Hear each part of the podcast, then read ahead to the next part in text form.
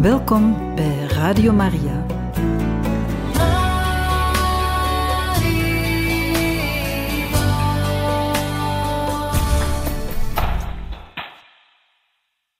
Van harte welkom, beste luisteraars van Radio Maria, bij het programma Catechismus. Vandaag kunnen wij luisteren naar een catechese over Onze Lieve Vrouw van Fatima. Deze wordt ons gegeven door Pater Jan Meus. We laten hem graag aan het woord.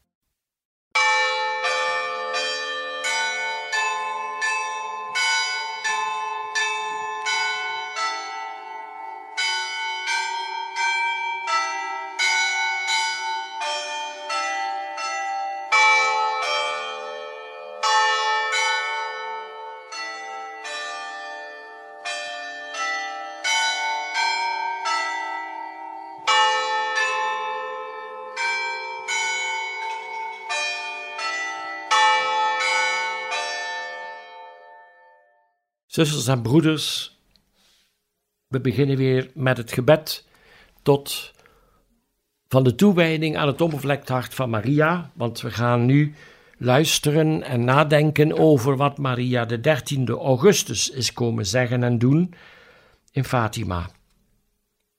Heilige Geest, beziel ons, dat we ook echt bidden met ons hart en wij vragen u dat u het vuur van uw liefde ontsteekt, want alleen dan krijgt wat we zijn en doen zijn diepste betekenis.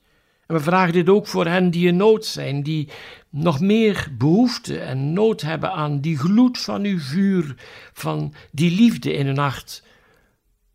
Om ook bevrijd en genezen te worden van duisternis en angst en twijfel en zoveel vormen van onmacht die er ook in deze wereld zijn. Kom, Heilige Geest. Help ons om ook te luisteren wat uw bruid Maria heeft gezegd in Fatima. En we bidden de toewijding aan het onbevlekt hart van Maria. Heilige Maagd Maria, Moeder van God en onze Moeder, in algehele overgave aan God onze Heer, wijden wij ons toe aan uw onbevlekt hart door u zullen we tot Christus geleid worden, uw Zoon en de eengeboren Zoon van God, en door hem en met hem tot de eeuwige Vader. We zullen onze weg gaan in het licht van geloof, hoop en liefde, opdat de wereld geloven dat Christus door de Vader gezonden werd om ons zijn woord mee te delen, en zo zullen ook wij zijn gezondenen zijn, om de kennis van God en de liefde tot Hem uit te dragen over de hele wereld tot aan de einden der aarde. Onder de moederlijke bescherming van uw onbevlekt hart zullen wij één volk zijn met Christus, het volk dat Hij zich door Zijn dood heeft verworven, en wij zullen getuigen van zijn verrijzenis. Door hem zullen wij tot de Vader komen, tot eer van de Allerheiligste Drievuldigheid, die wij aanbidden, zegenen en prijzen. Amen. Broeders en zusters, de 13e augustus is een beetje apart. Want het gaat anders verlopen dan voorzien was. Ik heb u al verteld dat de regering van Portugal anti-katholiek was en het katholicisme wilde uitroeien. En op een gegeven moment vernemen ze in de regering ook wat er in Fatima allemaal bezig is en daar ergeren ze zich vreselijk aan. En ze geven opdracht aan de burgemeester daar om daar een eind aan te maken wat er allemaal gebeurt. En wat gebeurt er dan? Op de dag dat de verschijning zou plaatsvinden, 13 augustus 1917, komt de burgemeester met paard en wagen en hij gaat naar die zienertjes toe en hij zegt dan: Kijk, ik ben nieuwsgierig, ik wil dat ook meemaken en zien wat er gebeurt. Stap maar in, we gaan er samen naartoe. En eerst weigeren de kinderen dat, maar bij aandringen vanwege de burgemeester stappen ze dan toch in die koets En dan rijden ze weg. Maar na een klein stuk draait hij de verkeerde kant op en neemt die kinderen mee naar zijn huis en sluit ze op. Hij wil ze dwingen dat zogenaamde geheim waar hij van gehoord heeft bekend te maken. En dat doen ze niet. En hij gaat tot het uiterste. Hij sluit ze op in de gevangenis. En daar bidden ze het roze hoedje. En de gevangenen bidden zelfs mee. Men eentje heeft zijn muts op, een man. En Francesco zegt: Als je bidt, moet u muts afnemen. Die kinderen blijven zichzelf. Ondanks die vreselijke situatie waarin ze terechtkomen. En daar vind je hoe de genade doorwerkt van al hun contacten en ontmoetingen, eerst met de engel en nu met onze lieve vrouw. Maar ook hun verdriet dat ze niet op de verschijningsplaats kunnen zijn. Terwijl Maria gaat komen, ze had dat beloofd. En als de burgemeester uiteindelijk alles op alles zet, dan dreigt hij ermee: als jullie niet mij het geheim vertellen, smijt ik jullie in een ketel gloeiende, kokende olie. En hij pakt een van de kinderen mee en de twee anderen beginnen te bidden. En dan wordt de ander opgehaald, Lucia blijft alleen over. Maar ze geven niet toe, want de kracht de invloed van de genade en de zegeningen van de verschijningen is groter dan de angst. Onvoorstelbaar dat kinderen dit kunnen, maar hier zie je wel de kracht van de genade. En dan kun je vragen: kan de genade bij ons ook zo werken? Als het erop aankomt? Hoe dapper zouden wij zijn als. En uiteindelijk, als Lucia dan gehaald wordt, dan ziet ze dat Francesco en Jacinta staan te wachten en dat ze naar huis kunnen, maar ondertussen is alles wel voorbij. Het is al een dag of wat later. En dan gebeurt het. Zij denkt, voor zover ze het zich juist kan herinneren, dat het de 15e augustus was, maar andere bronnen die hebben zitten nadenken en geluisterd eh, naar wat er verteld is en opgeschreven door Lucia, die zeggen dat het de 19e augustus was. Maar wat gebeurt er? Ze schrijft toen we de, onze schapen weiden op een plek Valinhos geheten, dat is tamelijk dicht bij hun geboortedorp Algestrel. En onze schapenweide, dat deed Lucia met Francesco, maar Jacinta is er niet bij, wel haar broer Jan. En dan merken ze ineens dat er iets bovennatuurlijks nadert en ons omhulde. En dan vroegen we aan Jan, dat was dus Francesco en Lucia, dat hij Jacinta zou roepen, omdat we vermoeden dat onze lieve vrouw ons zou verschijnen en we het spijtig zouden vinden als Jacinta haar niet zou zien. Maar die Jan, die broer, heeft er niet veel zin in. En wat doet Lucia? Omdat hij niet wilde gaan, bood ik hem vier centavos aan, dat is een bepaalde munt. En toen liep hij wel. Als hij er geld voor kreeg, dan wilde hij toch doen. Ondertussen zag ik met Francesco de, reflex van het licht dat we bliksem noemden. En nauwelijks was Jacinta aangekomen of we zagen ons lieve vrouw boven de eik. En dan komt weer diezelfde vraag van iedere keer: Wat wenst u van me? En dan komt het antwoord: Ik wil dat jullie naar de Cova da Iria blijven gaan op de dertiende en dat je iedere dag het roze hoedje blijft bidden. Op de laatste dag zal ik het wonder doen opdat alle geloven. En dan komt er een vraag, omdat mensen ook offers brachten en geld achterlieten. Dan vraagt Lucia aan ons lieve vrouw: Wat wilt u dat men met het geld doet dat het volk achterlaat in de Cova da Iria? Men moet daarmee twee berries maken. Jij, Jacinta en nog twee andere meisjes in het wit gekleed moeten de ene dragen en Francesco met drie andere jongens de tweede. Het geld van de berries is voor het feest van ons lieve vrouw van de rozenkrans, en wat over is, als bijdrage voor een kapel die men moet laten bouwen.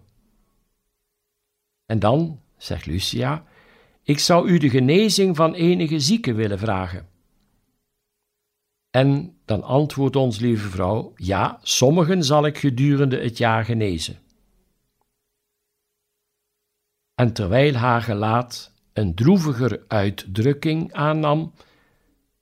Bid, bid veel en breng offers voor de zondaars, Want vele zielen gaan naar de hel omdat er niemand is die zich voor hen opoffert en voor hen bidt.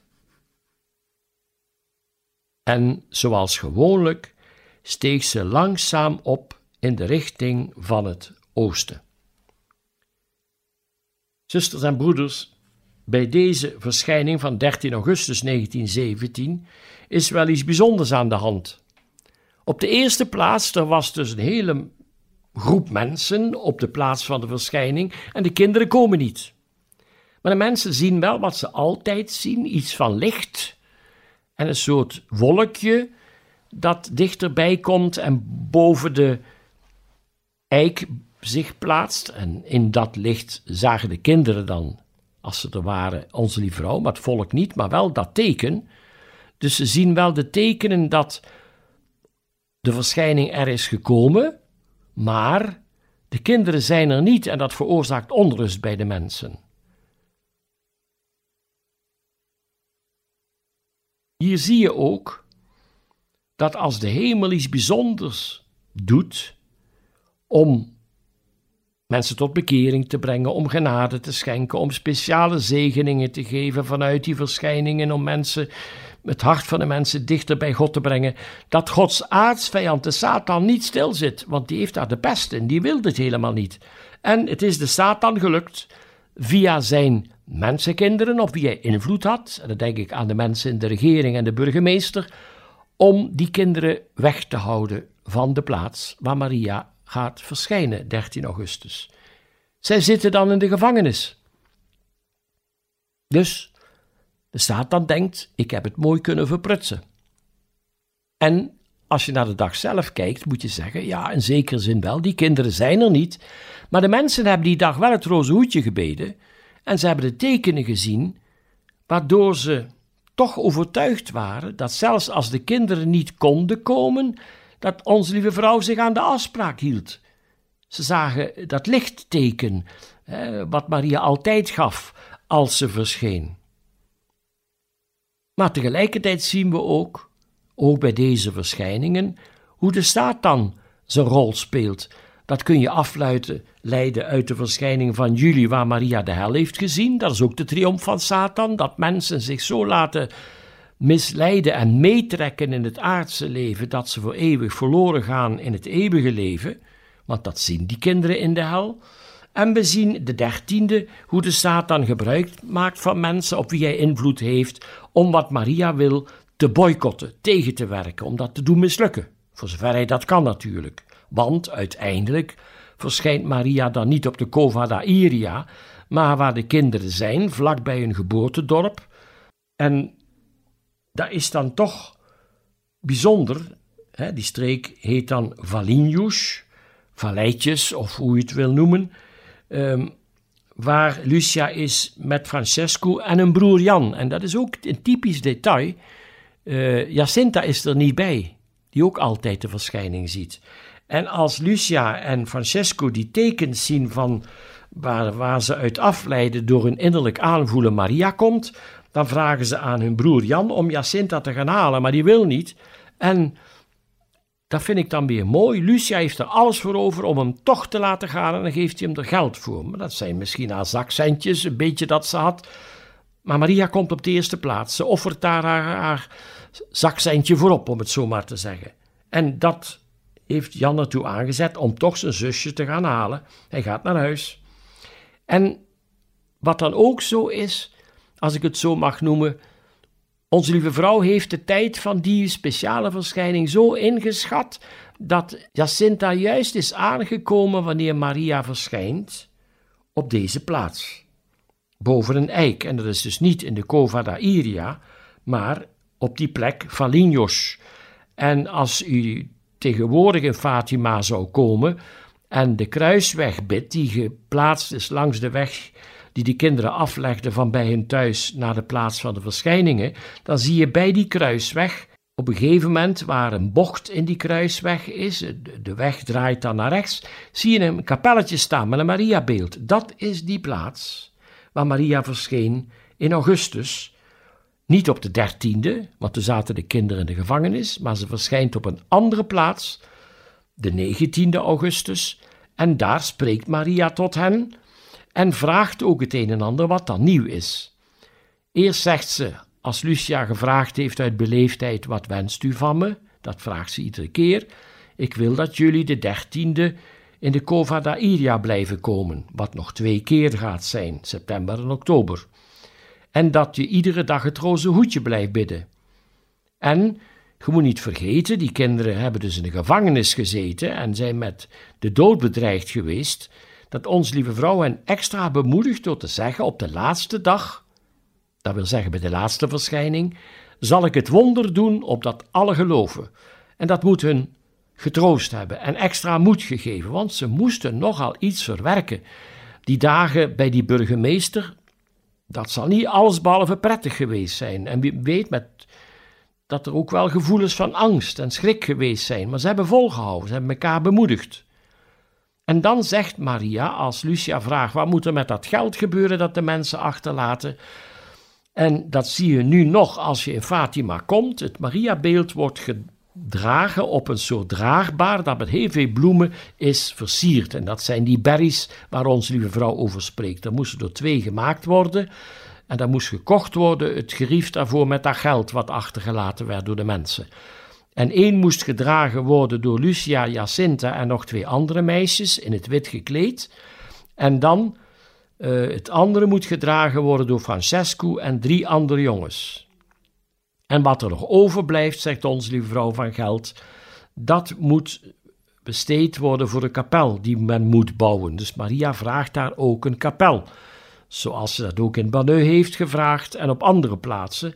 En een kapel of een kerk is om haar zoon Jezus te ontmoeten.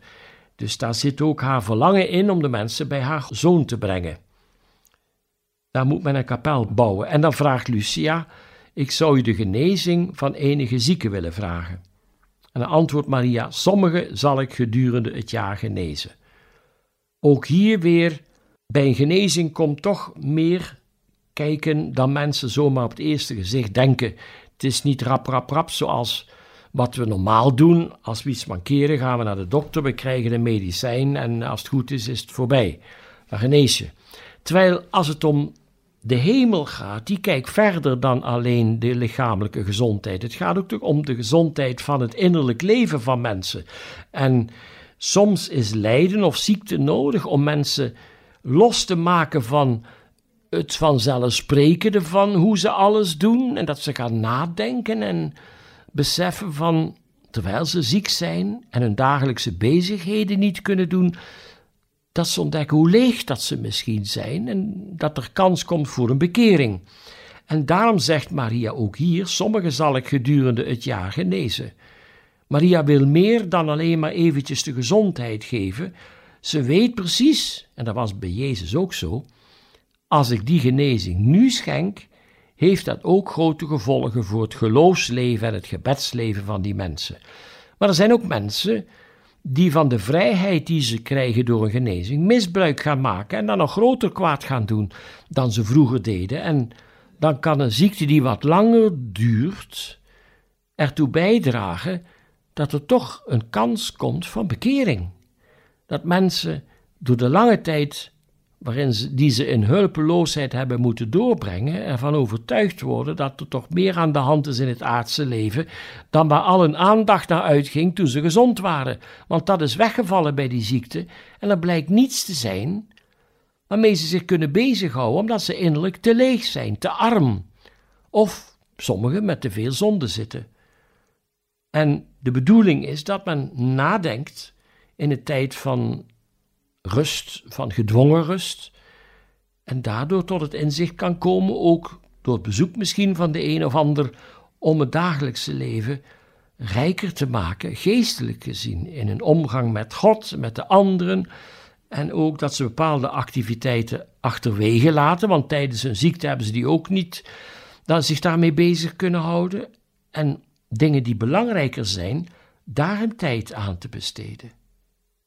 En dan zegt Maria tot slot in die verschijning van de 13e augustus: Bid, bid veel en breng offers voor de zondaars, want vele zielen gaan naar de hel, omdat er niemand is die zich voor hen opoffert en voor hen bidt. Hier vernieuwt Maria de aandacht voor wat ze in, in juli heeft laten zien toen ze het visioen toonde van de hel en de mensen die voor eeuwig verloren zijn. Hier komt ze daar eigenlijk op terug. Bid veel en breng offers voor de zondaars, want vele zielen gaan naar de hel, omdat er niemand is die zich voor hen opoffert en voor hen bidt.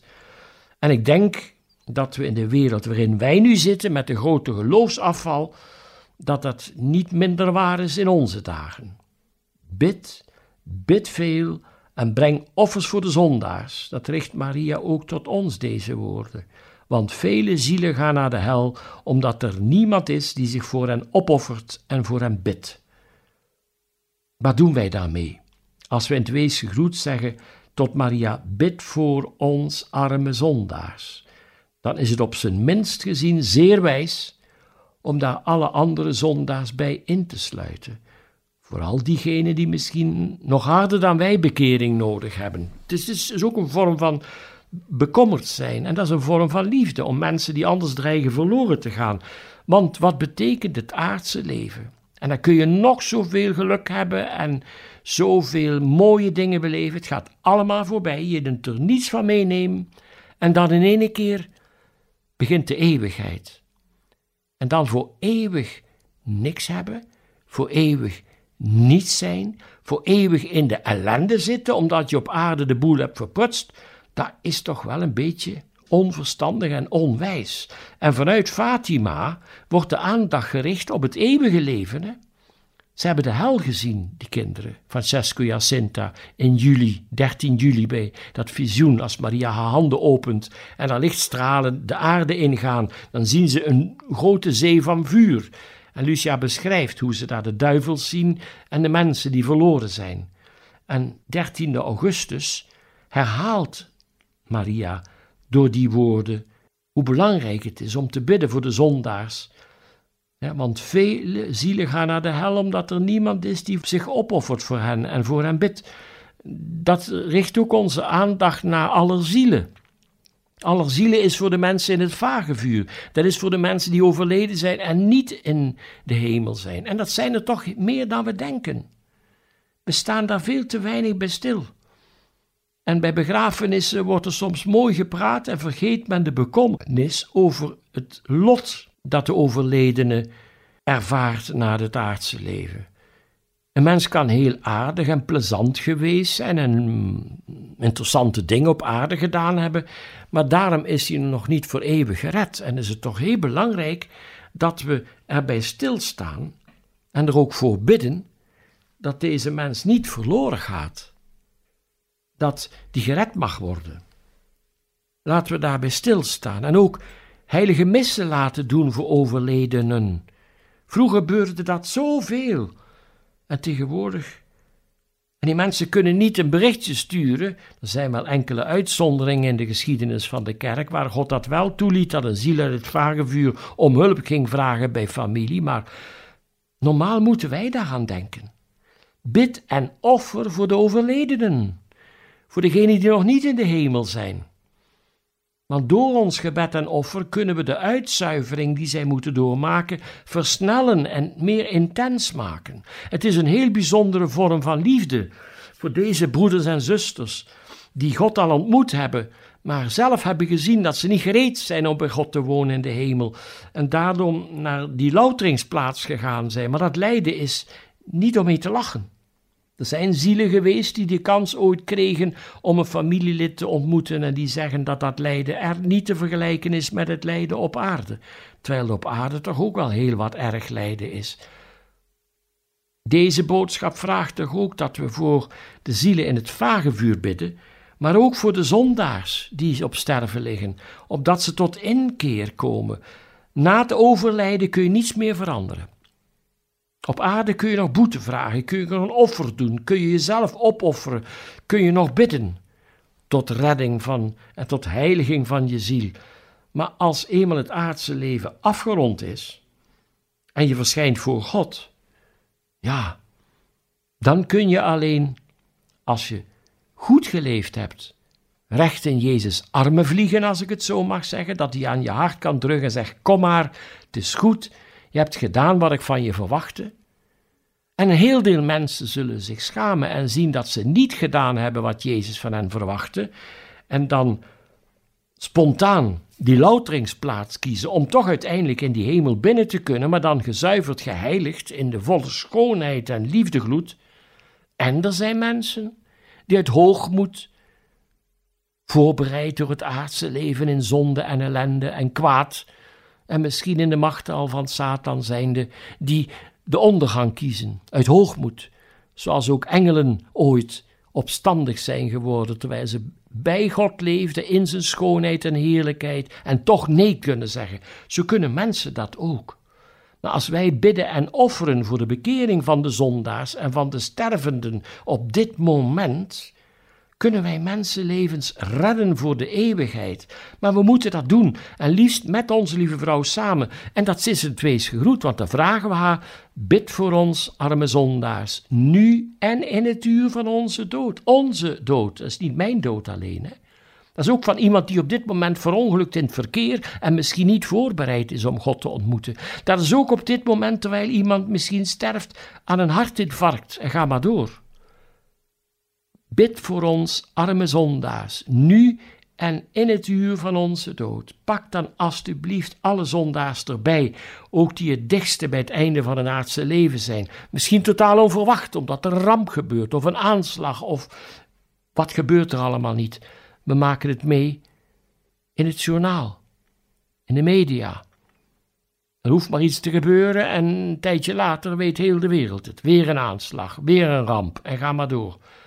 Bid voor de zondaars die gaan sterven, om uit liefde voor hen te verkrijgen dat ze gered mogen worden, dat ze zich toch bekeren en toch kiezen voor God en de loutering om uiteindelijk het eeuwig leven in de hemel binnen te gaan.